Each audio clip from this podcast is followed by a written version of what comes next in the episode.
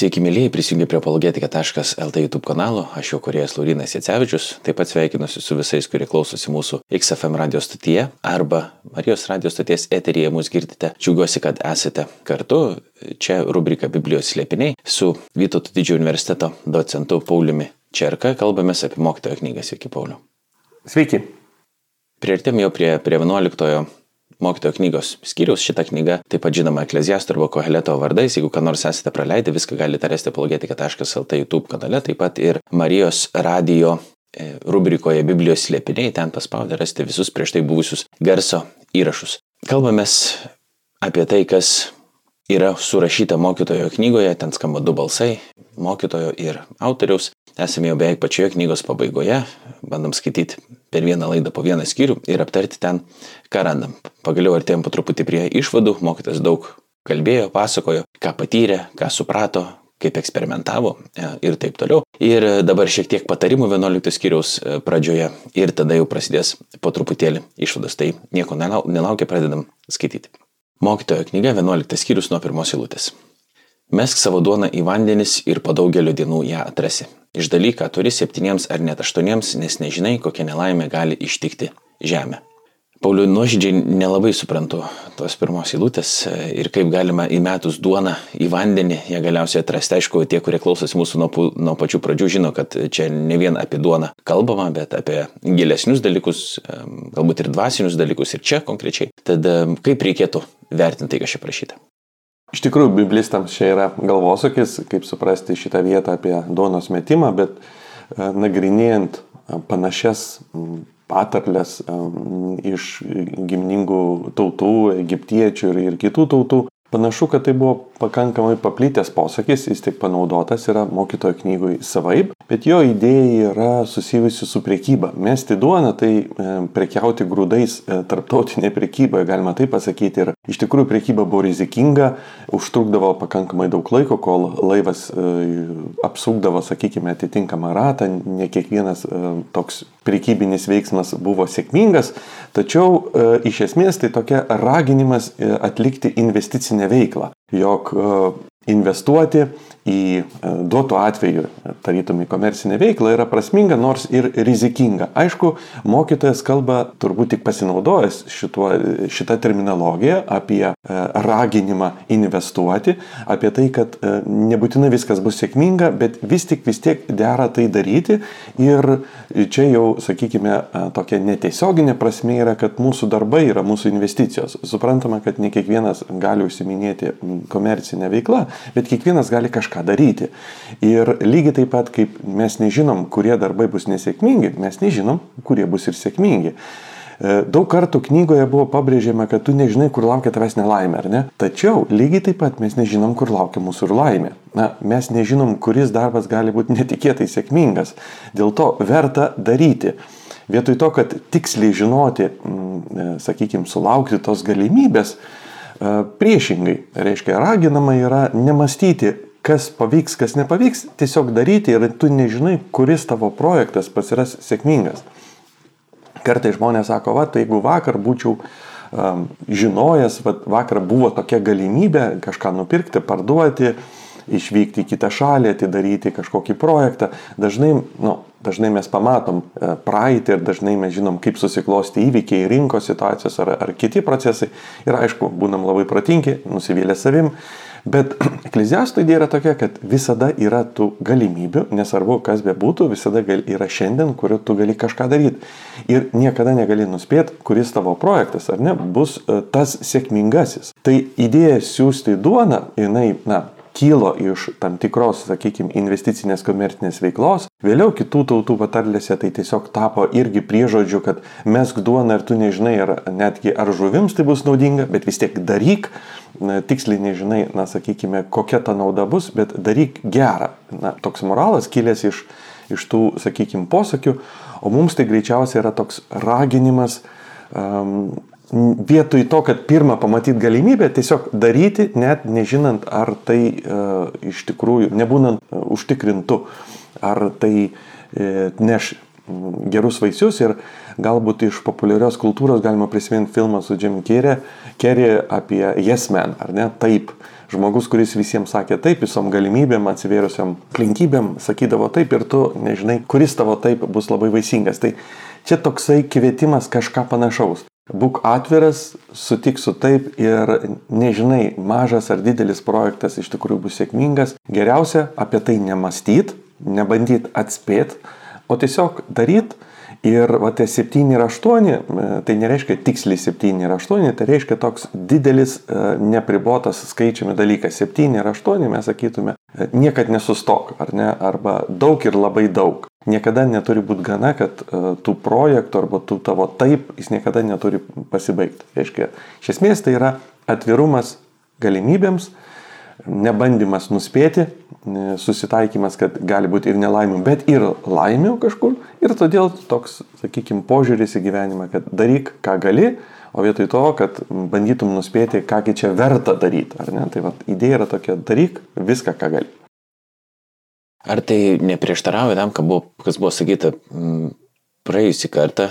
Aš bandau dabar atsiminti, galbūt ir praėjusiam skyriui taip ir buvo rašyta ir e, ką mes apkalbėjom, kad lyg tai nereikėtų pulti kažko dabar daryti, reikėtų geriau paplanuoti, pamastyti, e, įvertinti ir tik tada imtis veiksmo, ar aš kažką maišau. Bet man atrodo, kad buvo tokia mintis. Bet čiagi konflikto nėra. Planavimas, kad išminties mums reikia ir išmintis, pavėluota išmintis, na, sakykime, yra jau nebenaudinga, neprieštarauja tam, kad tiesiog veikti netgi kirvio tas belandimas ar ne praeitam skyriui buvo, jis irgi yra veikimas. Tai šiuo atveju ekleziastas nekviečia mūsų į tokią na, depresinę būseną, kad viskas beprasmiška, nieko neįmanoma nuveikti, tu nežinai, kas kur sugrius, kas, kas nepavyks. Bet jis daro priešingą išvadą, kaip, kaip nežinai, kas sugrius, taip nežinai, kas ir pavyks. Todėl prasminga yra daryti vietoj to, kad bandyti nuspėti ar ne, iš karto įsiaiškinti tą vieną sėkmingą dalyką. Jeigu verslininkai tai mąstytų, jeigu iš karto jie žinotų, ar ne, kuris projektas būtų sėkmingas, na, būtų labai šaunu, bet iš tikrųjų na, ekonomika mums sako, kad tu nežinai, kurie procesai bus, bus sėkmingi, kurie ne, kaip rinka sureaguos. Tiesiog daroma yra daug ir kadangi daroma yra daug, tikrai kažkas e, pavyksta iš to. Tai čia toks yra kvietimas veikimui, ne aklam, ne kvailam, bet nesėdėjimui, ar ne? Ir nebandymui nuprognozuoti, kad darysiu tik tą vieną, bet jau sėkmingą. Priešingai, darai daug ir nežinai, kuris tavo taip bus tas gerasis taip, ar ne? Taip kaip mes nežinom, bet darom laidelės ar ne, ir mes nežinom, kas jų klauso, nežinom, kaip, kas gali išsivystyti iš kažkokios vienos ar kitos laidos, ar ne, ir Laurinai čia turbūt prisimintum kažkokių situacijų, kai tau buvo tikrai netikėta, toj vietoj ir tam projekte, kad e, gavus visai šauniai arba kažkoks kontaktas susimėsgi arba priešingai atsirado galimybės naujam darbui, dažnai mes na, nenutuokiam, kaip, kaip ir sėkmingai gali mūsų projektai būti. Tai šiuo atveju tai yra na, kvietimas veikti, o ne kvietimas nuprognozuoti. Sakykime iš tiesų, kad šitos situacijos. Dar trumpai gal prie antros eilutės taptilkim.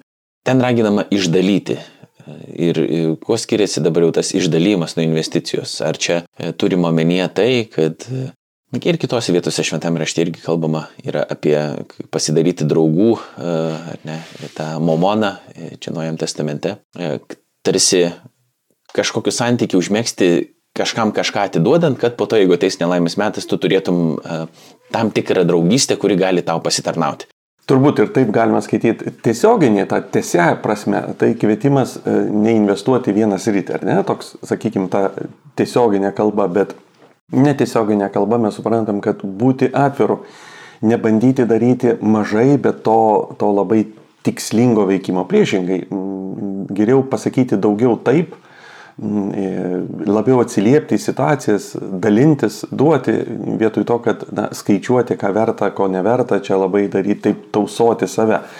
Tai šiuo atveju čia toks momentas vienas, viena vertus kalbama yra tokia ekonominė kalba ir siūloma yra diversifikuoti, pavadinkime, savo mm, veiklas, na, tai tiesioginė žodžio prasme, bet pamoka už to slypi kiekvienam, ne tai kad verslininkui, kiekvienam, kad mūsų geri darbai neturėtų būti e, labai skurdus, ar ne, jie turėtų būti platis rytis, ar ne, mes plačiai turėtume atsakyti taip įvairiem projektam, net nenutokiam, kuriem iš jų iš tikrųjų, na, ten daugiau ar mažiau prasmės, kurie bus sėkmingi ar nesėkmingi. Tai idėja yra tokia, kad taip kaip nelaimių, mes nežinom, kur jinai yra padėta. Lygiai taip pat e, galima iš kitos pusės pažiūrėti, mes nežinom, kuris bus ir netikėtai laimingas dalykas. Dėl to verta daryti daug, kol gali. Tai va tas kvietimas veikti, jei gali, ir yra pagrindinis dalykas. Vėliau mes matysim, kad žiūrėjimas tų idealių sąlygų yra bandymas nuprognozuoti, lis, nelis, bus audra, nebus audra, jisai e, na, veda į tokį niekad neradimą gero laiko. Tai Ekleziasto idėja yra tokia, kad yra audrų, yra nevaldomų procesų, mūsų reikalas yra nesuvaldyti ir nenuspėti ateities, bet išnaudoti dabartį. Ne? Tokia idėja yra, kad daryk, ką gali, o nebandyk e, nuspėti, na, nuprognozuoti tiksliai, kas bus rytoj. Kadangi užvedėt mūsų ant kelių, tad ir paskaitom kitas porą eilučių, kur apie tai ir kalbam. Nuo trečios. Kai debesis pilni vandens, jie palaistų lietumi žemę, kad ir kur medis kristų, į pietus ar į šiaurę, kur kris, ten jis ir gulės. Kas paiso vėjo niekada nesės, o kas stebi debesis niekada nepjaus. Jau aptarėt iš principo tai, apie ką čia yra kalbama, ar būtų galima dar kažką pridėti? Na, bet iš esmės, e, iš esmės tai ir yra tas kvietimas nežiūrėti, nenuspėti į aplinkybių, nes paradoksalu, kad tas, kuris ieško idealios galimybės, jos neranda. Tas, kuris nesusikoncentruoja dėmesio į tinkamumą, atvirkščiai E, per savo darimą jį pataiko. Toks atrodo na, paradoksas.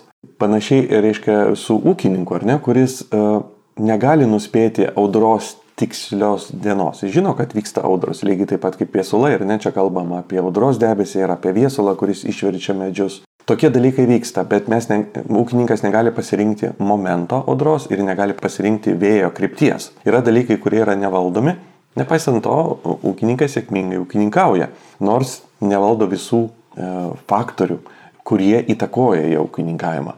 Panašiai ir reiškia ir mūsų gyvenime.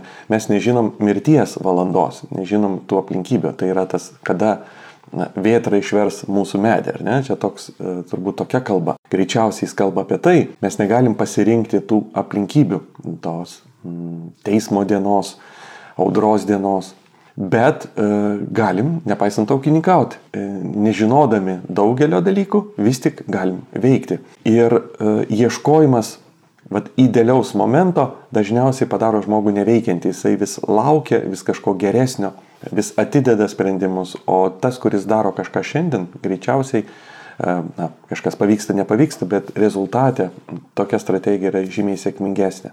Galbūt galim pasvarstyti apie save, kaip dažnai mums atrodo, kad vat, jei kažkas pasibaigs, tas naujas etapas bus tikrai prasmingas ir mes bandom pabėgti nuo, nuo šiandien.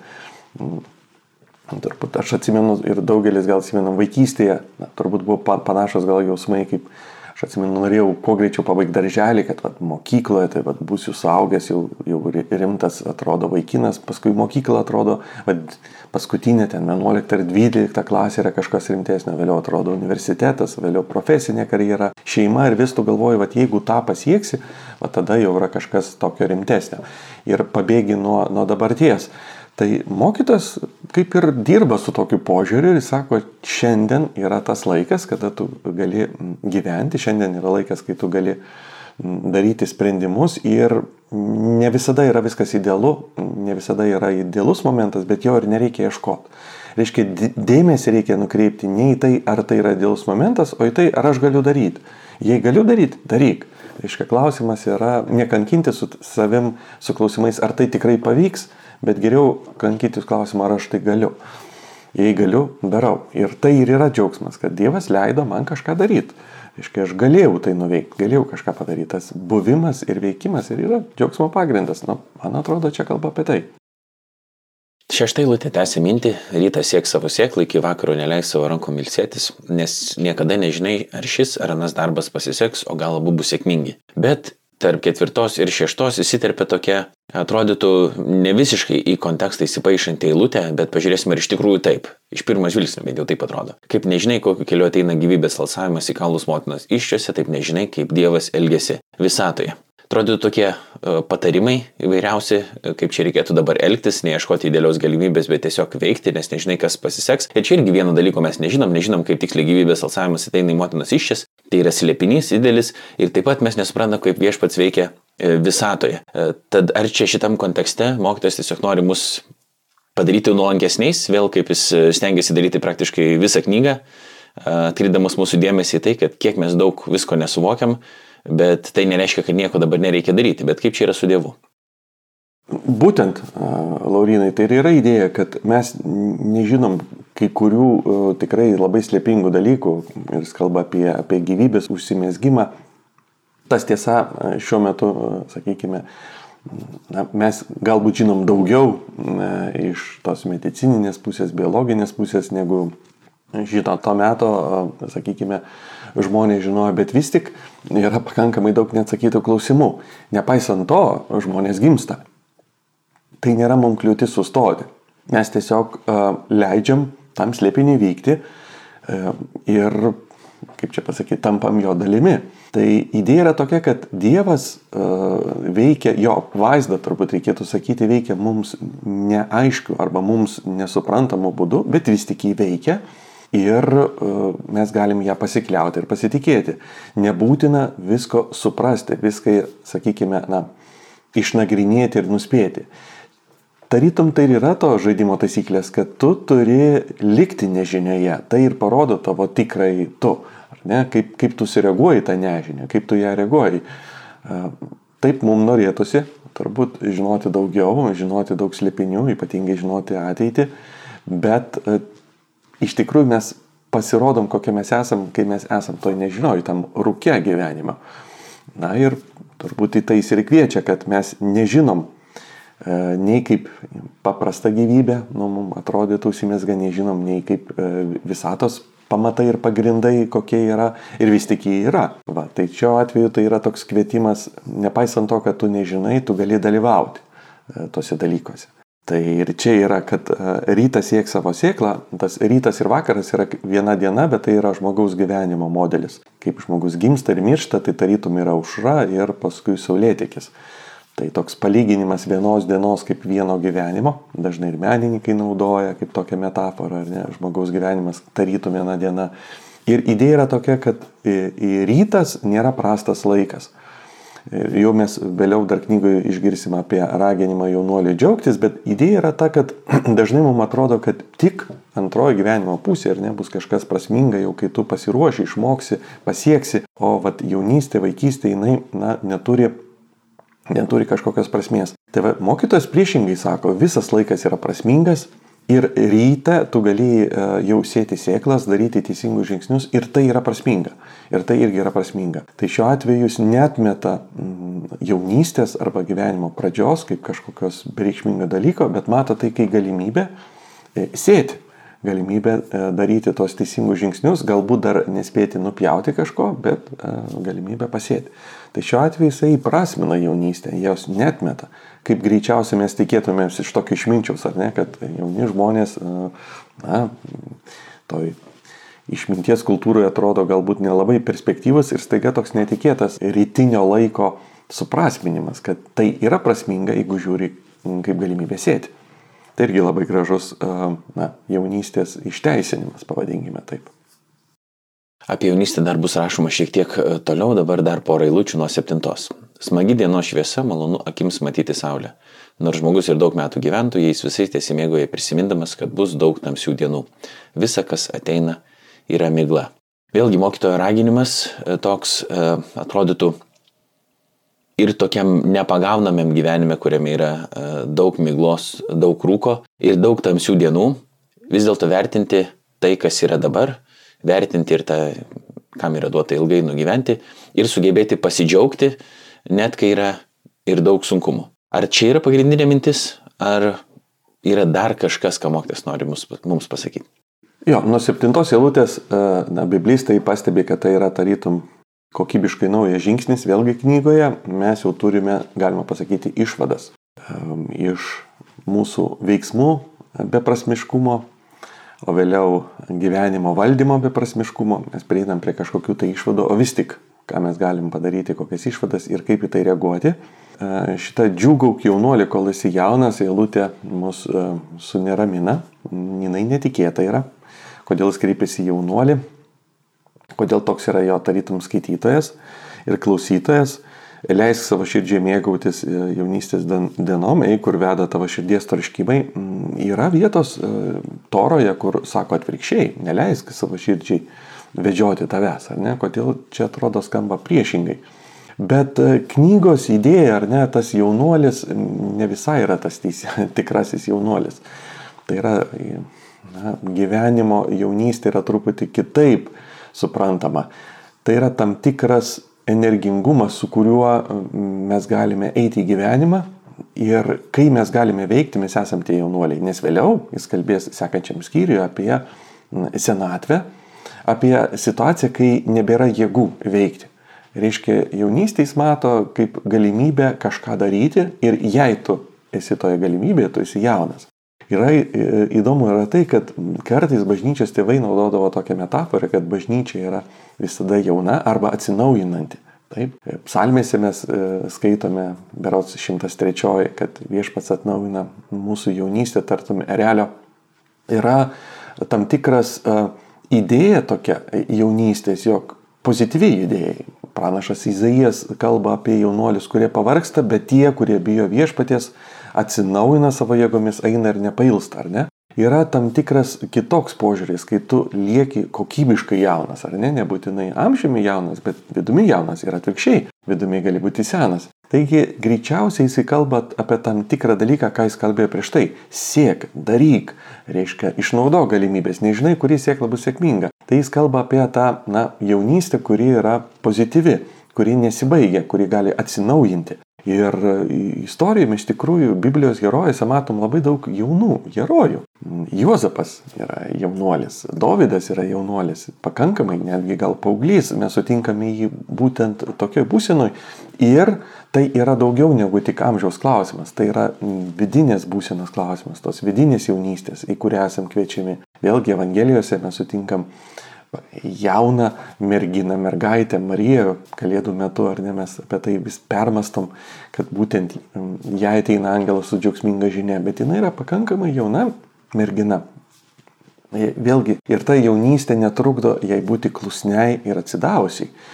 Ir čia ta tokia pozityvi jaunystė, ta energijos pilna jaunystė, ne, veiklumo jaunystė. Todėl tas džiaugsmas jaunystėje yra ne tas, kuris mums atrodo iš pirmo žvilgsnio, kad gyvenk nerūpestingą gyvenimą, nors e, gal ir taip galima perskaityti, atrodytų pirminė tiesioginė prasme, kad vaikams dera turėti vaikystę, jaunuoliams jaunystę ir na, nesusenti anksčiau laiko. Vis tik greičiausiai čia yra toks pamokymas, toks šiek tiek su alegorija, kad mūsų jaunystėje neturėtume mes per daug apsunkti, kad susiplanuojam gyvenimą, ar ne? Ką jis kalba, kad džiaugauk jaunuolį, kol esi jaunas ir iš savo širdies pašalink rūpestį.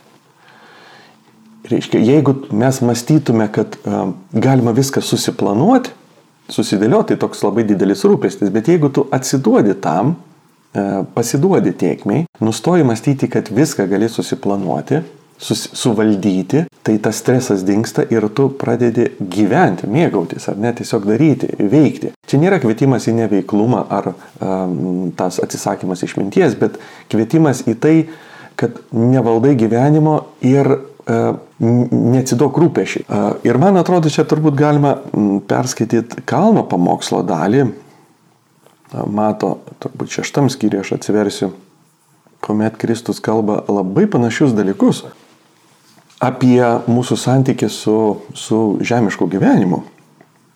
Nuo 20. Taip, čia yra,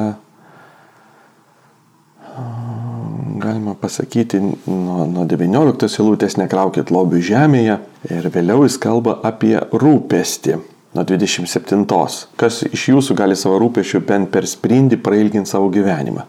Ir kamgi rūpinantis drabužiu, pasižiūrėkite, kaip auga lauko lelyjos, jos nesidarbuoja ir neverpia, bet sakau jums, nei Saliamonas pačioje savo didybėje nebuvo taip pasipuošęs kaip kiekviena jų. Jei Dievas taip aprengė laukų gėlę, kuri šiandien žydė, o rytoj metama į krosnį, argi jis dar labiau nepasirūpins jumis mažatikiai. Todėl nesisielokite ir neklausinėkite, ką valgysime arba ką gersime, arba ko vilkėsime, visų tų dalykų vaikosi pagonis, jūsų dangiškasis tėvas juk žino, kad viso to jums reikia, Taigi pirmiausia, ieškokite Dievo karalystės jo teisumo, visa kita bus pridėta ir nesirūpinkite rydieną, nes rytojus pats pasirūpins savimi, kiekvieną dieną gana savo vargo. Tarytum jis naudoja tą patį mokytojo kalbos e, žargoną, kalba apie dieną, apie rydieną, ar ne, ir apie rūpestį, kuris slegia ir priešingai džiaugsmą gyvenant pasitikint apvaizdą. Tai va tas jaunuolio džiaugsmas iš esmės yra pasitikėjimas apvaizdą. Tu nežinai rydieną, bet ji tavęs neslegia. Tu veiki šiandien ir to tau užtenka. Ne? Pakanka dienai josios vargo, reiškia, užtenka, ką aš, ką aš galiu daryti šiandien ir nereikia būti prislėgtam e, rydienos nežinomybė. Reiškia, tas rūpestis, nežinomumas dėl rydienos, kuris natūraliai mus kartais slegia, mes nežinom e, politinės patyties, ekonominės, daug neapibrieštumų, sveikatos klausimų. Ir dažnai kartais žmogus gali būti perdent prislėgtas tų dalykų, bijoti, kaip, kaip gali viskas atsitikti. Priešingai, džiaugtis jaunuoliai yra kvietimas į pasitikėjimą paizdą. Taip, nors ir nežinau, bet veikiu ir to man užtenka. Pakanka dieną jūsų svargo.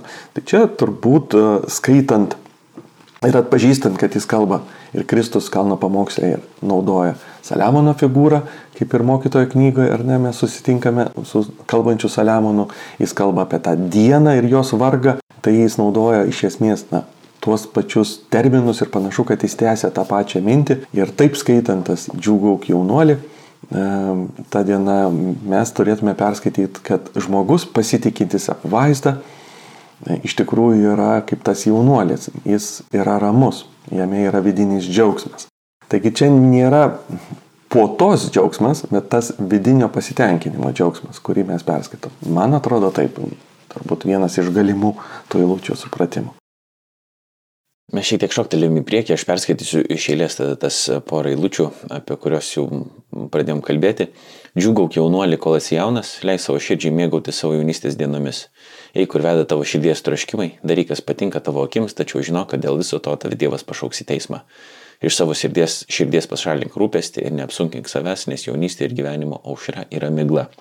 Kadangi jau daug čia buvo pasakyta, pabandykim gal staptelti pabaigai prie Dievo teismo vietos ir e, tos eilutės apie širdies troškimus ir tarsi raginimų jai sekti. Kaip ir minėjot, kitoje vietoje toroj parašyta yra, kad vis dėlto nebūtina arba net negerai yra sekti šitai širdies troškimais. Taip pat ir daugiau vietų Biblijoje yra tokių, kur yra kalbama apie širdį kaip apie tą vietą, iš kurios išplaukia visokios bjaurastis ir bjaurystės. Ir čia atrodytų tarsi yra prieštaravimas, bet jūs bandėte kažkaip išspręsti, kad to prieštaravimo vis dėlto nėra. Ir taip iš tikrųjų matyti ir veikia ta išminties literatūra, kad jeigu atsiranda kažkoks tarsi prieštaravimas, reiškia, mes esame raginami giliau pamastyti, apie ką ten yra kalbama iš tiesų. Tai ar čia tas sprendimas ir atsiranda šito vietoj, kad e, tarsi ir daryk tai, ko trokšti, e, nes yra tarsi tokie dalykai tavo prigimtyje ir tavo amžiaus galbūt nusakyti arba tavo tokios gyvasties, vadinkim, jaunatviškos gyvasties nusakyti ir reikėtų ne, jų nenuneikti, reikėtų taip ir elgtis, bet atsiminti, kad dėl visų tavo veiksmų ir nei Kristus sako, dėl minčių, tu vis dėlto būsi pašauktas į teismą. Tai nereiškia, kad daryti, gali daryti praktiškai bet ką. Arba kaip Avaštos Paulius sako, viskas yra leistina, bet ne viskas yra naudinga. Ne, praktiškai gali daryti, ką nori, bet ne viskas yra tau nauda. Arba šventas Augustinas, kad mylėk ir daryk, ką nori. Liktai Augustinas, taip sako. Atrodo irgi keistas toks paraginimas, kad kaip tu gali daryti, ką nori, ne, kad viešpats yra tiek davęs e, įsakymų, tiek yra tvarkos ir taip toliau, bet iš tiesų, jeigu mes sugebėtumėm tikrai mylėti Dievą ir tikrai mylėti artimą, visa tai, ką mes norėtume daryti, būtų Dievo šloviai ir artimo labui. Kažkaip taip mes judam, bandydami suprasti šitą vietą ar kažkaip kitaip. Aš manau, kad Augustino šita maksima yra raktas e, į, turbūt į šito žodžius, bet čia tik kalbant iš biblistikos pusės e, yra mokslininkų, kurie įžiūri šiuo atveju, kad šitoje lūtėje galbūt buvo redagavimo, jog galbūt kažkokioje versijoje buvo pasakyta tik tai e, daryk tai, ką sako savo širdis ir vėliau redaktoriai papildė, patikslino, kad bet žinok, kad laukia tavęs Dievo teismas. E, reiškia, dalis mokslininkų įžiūri, kad e, ta eilutė formavosi ir, ir, ir, ir jinai buvo, sakykime, tikslinama. Galbūt. Nors man atrodo, kad iš tikrųjų, jeigu ją skaitant vat, e, Augustino ir, ir kitų bažnyčios tėvų šviesoje, jog egzistuoja didelė laisvė tol, kol mes esame Dievo baimėje arba tikroje meilėje, Tai į, į, į jokio prieštaravimo mes neižvelgiam. Tiesiog čia ir yra išminties na, mokykla, jog ji pamokydama, kas yra esmė, parodo, kad kokia iš tikrųjų yra plati veikimo laisvė. Ir šiuo atveju aš manyčiau, kad ta eilutė turbūt gimė iš pat pradžių tokia. Jinai nebuvo kaip ir pakoreguota, greičiau jinai yra provokatyvi, taip jinai mums e, netikėta, mes tikėjomės, kad jaunuoliai bus labiau subartas ar ne, ar su, sukoreguotas ir jam paaiškinta, ką jis turi daryti. Staiga jis sužino, kad vienintelis dalykas, ko jis turi, tai yra bijoti Dievo, o visa kita na, susidės į savo vietas. Ir tada tie širdies troškimai bus tie, kuriais galėsi vadovautis, ar ne? Ir psalmėse mes skaitom, kad Dievas suteikia tam teisėjam tai, ko trokšta jo širdis. Visa esmė yra, kad jo širdis jau trokšta dalykų, kuriuos Dievas nu, dera ir tinkama jam yra suteikti. Pirmiausia, jis yra teisusis, o vėliau tie širdies troškimai tampa, na, tinkami. Taip kad čia nėra pateisinimas bet kokio sumanimo, na, bet kokios idėjos, bet priešingai, jei mes esame Dievo baimė, tai yra mes pasitikime Dievo apvaizdą, jaučiame, kad esame nuo jos priklausomi, tuomet, tuomet tas veikimas, tarytum yra laisvas, tu gali daryti ir tik daryk, tik daryk, reiškia, išnaudo galimybės nu, nesisteng atspėti apvaizdos veikimą, bet pasitikėk ją. Reiškia, knygos idėja yra pasitikėjimas apvaizdą, o ne bandymas ją e, sutalpinti į kažkokius tai rėmus, e, išsiaiškinti, bet likti nežinėje, bet likti ir ramybėje. Ne, tuo pačiu metu suderinti tuos du, kad nežinia nebūtinai yra neramybė. Ne? Tai šiuo atveju aš greičiausiai manyčiau, kad tai yra e, na, provokatyviai, bet pasakyta na, tokia mintis, kurios, kurios aidą mes girdime ir bažnyčios tėvų raštuose, ir, ir kitose rašto vietose, ir kalno pamokslė. Lygiai tą patį girdime apie gebėjimą e, nežinoti ateities ir tuo pačiu nepatekti į tokį perdėtą susirūpinimą, tą, tą nežinę, bet leisti gyventi ramybėje. Nu, o ekleziasto kalboje tai būtų džiaugsme. Džiaugis jaunuolį, naujame testamente būtų kalba apie turėk uh, ramybę. Arba paštalas Paulius sako, tegul jūsų mintis Kristuje apsaugo Dievo ramybę, visus dalykus patikėkite Dievu, Dievui ir mėgaukitės tą ramybę. Tai ir kalno pamokslė, ir laiškose mes girdim apie uh, galimybę gyventi ramybę, nors ir tuo pačiu išlikti nežinioje. Reiškia, tai yra dalykai, kurie yra suderinami. Ačiū Pauliau. Panašu, kad e, gera gaida mums e, baigti šiandienos pokalbį. Kitą kartą jau pabaigsim ir pačią mokytojo knygą, 12 e, skyrių. Žiūrėsim, kokios yra galutinės išvados, galbūt kažkokios apibendrinimus platesnius padarysime. Dėkuoju visiems, kurie esate, buvote ir viliuosi būsite kartu E, su mumis. Daugiau visko galite rasti apologetika.lt e, YouTube kanale. Dėkuoju visiems, kurie klausotės mūsų ir radio stoties, eteriuose radio stočių, reikėtų sakyti Marijos radio ir XFM radio stotyje. Dėkuoju ir radio stotims, kad mus įsileidžia į savo klausytojų ausis. Ačiū Pauliau Jums už išvalgas ir iki kitų susitikimų. Sudėv. Sudėv.